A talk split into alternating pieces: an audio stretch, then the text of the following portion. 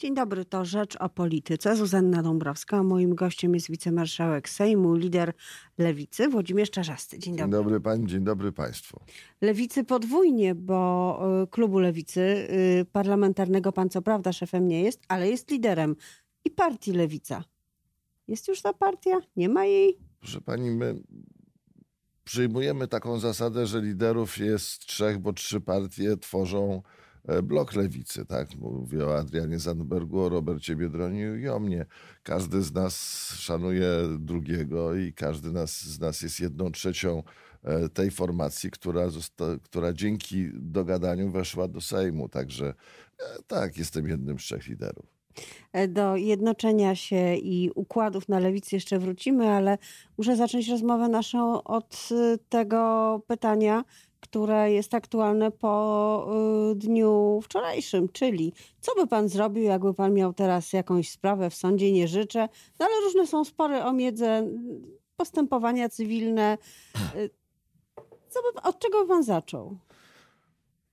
Zacznę od takiego oświadczenia. Oczywiście jestem przy sędziach Sądu Najwyższego i przy ich decyzji. Tak? Popieram to wszystko, co próbuje naprawić e, to, co zrobiła ekipa PiSu w ramach sądownictwa. To pierwsza sprawa. Ale jestem przerażony całą tą sytuacją.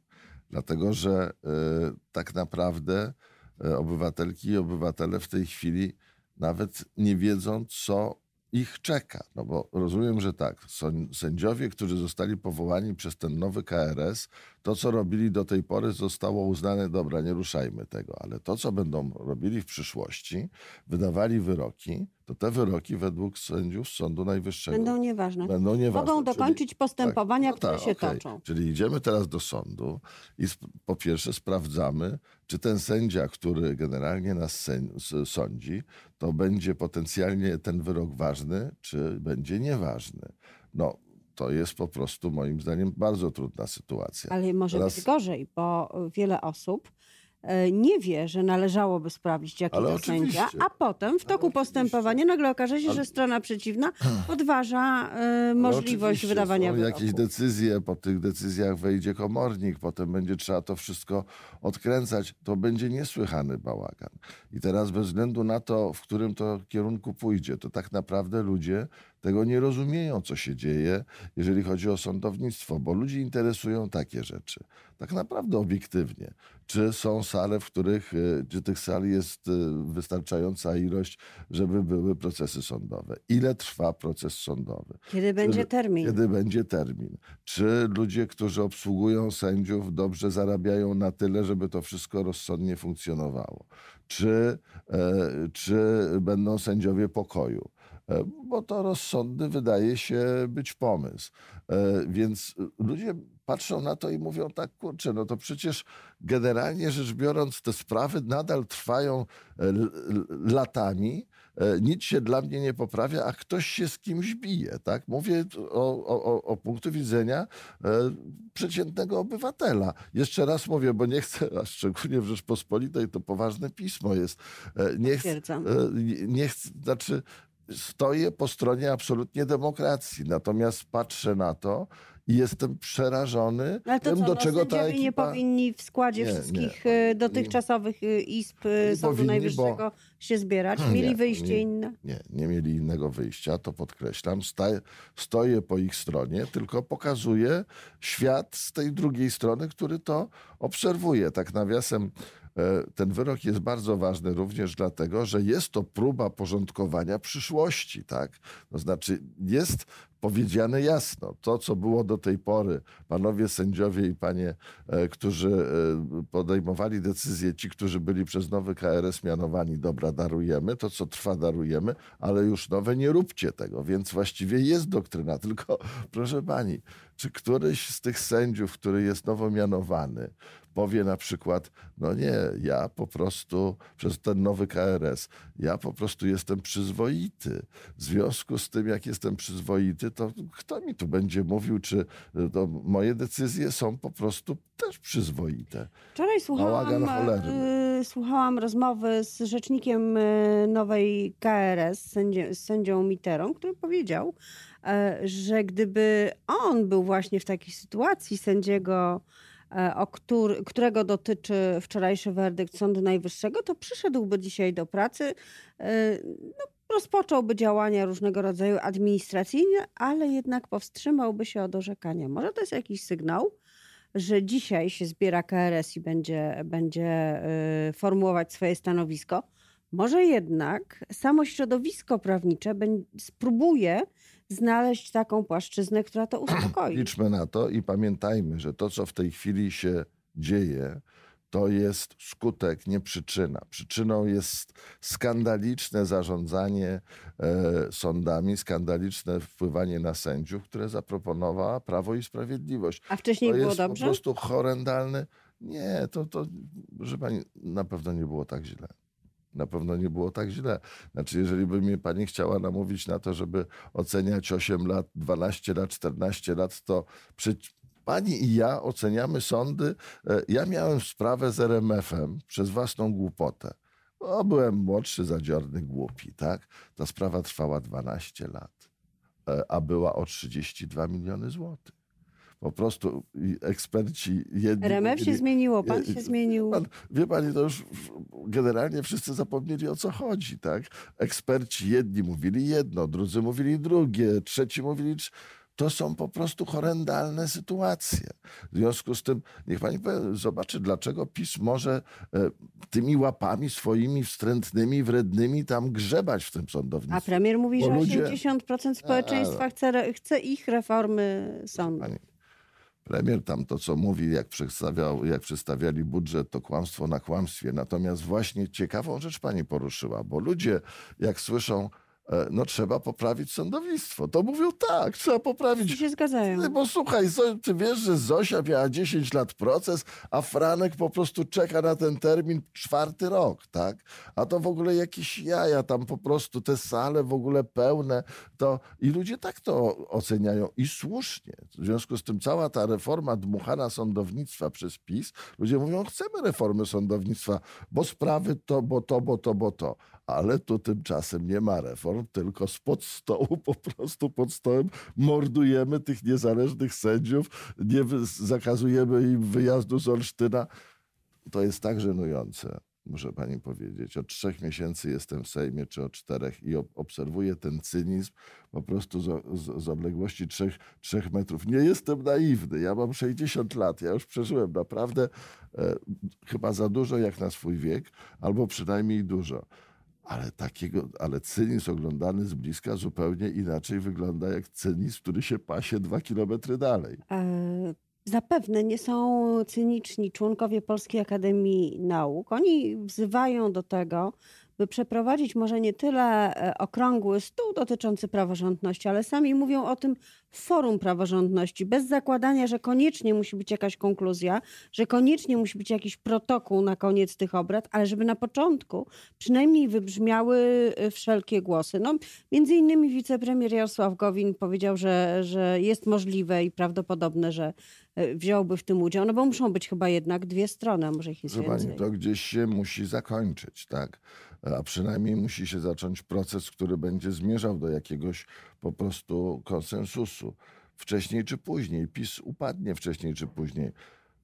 Konkludując, popieramy jako lewica tę inicjatywę. I jeżeli będzie to zwoływane, to zjawimy się, przyślemy ludzi, którzy się na tym znają, bo ja jestem politykiem, politycy zwykle Znają się na wszystkim jak dziennikarze. Chyba zawsze, zawsze trzeba się bać ludzi, którzy się zdają na wszystkim, bo to zwykle barany i głupki są. Nie, no, mamy specjalistów, będą chodzili, e, dobra inicjatywa, bo coś trzeba zakończyć cały ten proces. Ale ja się obawiam, że pan Gowin tam tak powiedział, powiedział i pewnie się do końca z tego e, nie cieszy. Natomiast przyjdzie pan Ziobro i mu pokaże miejsce w szyku, tak? To i powie mu, dobra, zajmij się nauką, a ja tutaj wiem lepiej, co to znaczy sędziowie, bo jak się nie zajmiesz nauką, to się weźmiemy za twoich profesorów. E, wczoraj nie tylko był, e, można powiedzieć, po raz kolejny sądny dzień, ale był także bardzo ważny dzień e, historycznie. Jerozolima Yad Vashem i przemówienia przedstawiciela Stanów Zjednoczonych i Władimira Putina. W Warszawie słuchano go bardzo, bardzo uważnie, a on wymienił Polskę raz w kontekście bycia ofiarą nazistów. Czy pan się spodziewał, że tak to będzie przebiegać, czy jednak Putin zaskoczył? Mało to jest ważne w sumie, co on tam powiedział, dlatego że e, tak uważam. Dlatego, że e, ważne jest to, jaką atmosferę stworzył i cała ta polityka w tej chwili rosyjska, zmierzająca ku zakłamaniu podstawowych elementów historycznych. E, w związku z tym, wie pani, jest, rozpoczął się olbrzymi proces budowania historii od nowa. Ja to znam i jestem na to bardzo czuły. Dlatego, że taki sam proces rozpoczął PiS, jeżeli chodzi o budowanie historii Polski. Tak? Wszystko to, co się mówi na temat ziem odzyskanych, na temat czasów PRL-u, to jest po prostu jedno wielkie oszustwo. W czasach PRL-u z tak kolei uważam, też się tak. mówiło o ziemiach odzyskanych i o różnych e, historycznych momentach. E, no, chyba w podobny sposób. Ale proszę pani, właśnie, y, właśnie wydaje mi się, to, to jest paradoks, że w tej chwili ta lewica, która jest, y, która, która się stworzyła i która ma bardzo jasne i precyzyjne poglądy, powinna kurczę mówić prawdę. Wie pani, ja, ja o żołnierzach wyklętych, bo to jest dobry przykład, mówię w ten sposób. Tak samo mówi Zandberg, tak samo mówi Biedroń. To oczywiście symbole, tak, bo to są nasze partie, to jest wa ważna sprawa. Byli wśród żołnierzy wyklętych fantastyczni ludzie, walczący o swoje przekonania, o wolność Polski, o swoje ideały, o swoją wizję Polski, ale byli również gwałciciele, złodzieje, mordercy, bandyci. Dlatego jeżdżę e, co roku od wielu lat e, do, do, do Hajnówki, e, notabene z Adrianem Zandbergiem, z którym rok temu jeszcze sobie ręki nie podawaliśmy, a on, on stał 100 metrów ode mnie, to też było głupie, albo ja 100 metrów od niego. Jeździmy i po prostu to mówimy, czyli były dobre strony i były złe strony, były blaski i były cienie. I to jest uczciwe rozmawianie, moim zdaniem, o historii. Historia nie jest e, e, czarno-biała. Ale czym to, powinno, powinna PRL... dla nas być taka rocznica, jak 75. rocznica wyzwolenia e, hitlerowskiego obozu w Auschwitz? Okazją do czego?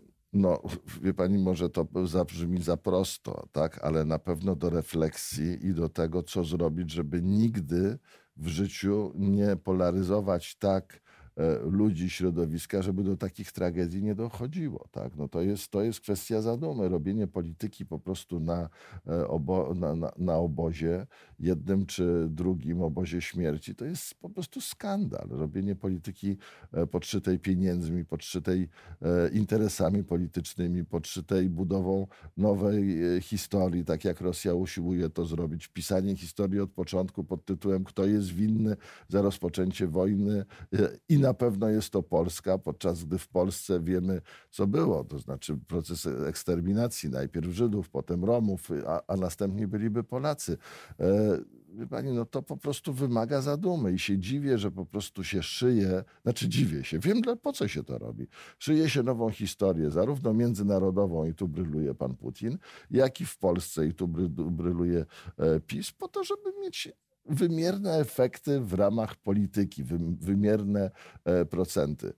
No, nie ma na to zgody, my będziemy mówili swoje i będziemy starali się e, jak najobiektywniej, jak najobiektywniej mówić. Jedni przeszli przez nasz kraj, e, wygonili Niemców, wprowadzili za zgodą i Amerykanów, i Anglików to, co się bardzo wielu ludziom nie podobało.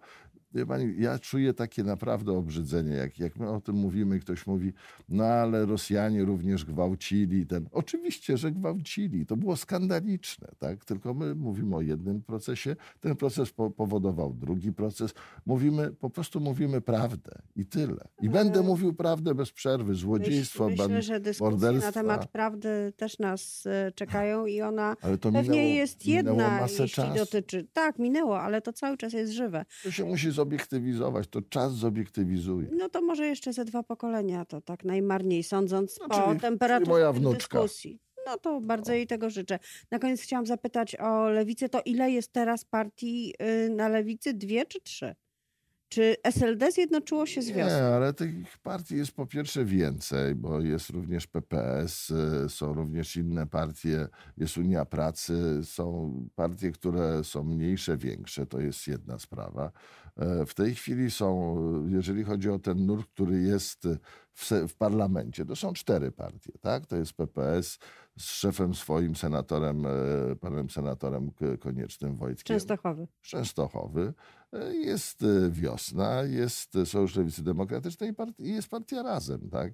No ale SLD z wiosną się i- jednoczy. Przecież podjęte zostały uchwały, zgody są wydane i No co? tak, żeśmy, żeśmy przygotowali statut do tego, żeby potencjalnie dokonać konsolidacji tych dwóch partii. Statut jest w sądzie, czekamy na zarejestrowanie. No, Kiedy wszystko to się może zakończyć? planem. E, Proces. Statut trafił do sądu e, w grudniu po, po konwencji naszej. E, No i czekamy na decyzję sądu. No, nie spodziewam się, żeby to długo trwało. Czekamy na decyzję sądu i jeżeli ta decyzja będzie, to po tej decyzji myślę, że w przeciągu miesiąca najdalej należy się spodziewać kongresu dwóch partii. Sondaże dają Robertowi Biedroniowi między 7 a 9 chyba mniej więcej obecnie. Procent oczywiście sondaże to tylko sondaże. Na jaki wynik pan liczy kandydata lewicy w wyborach prezydenckich? Myślę, że tu się bardzo wiele rzeczy zdarzy jeszcze.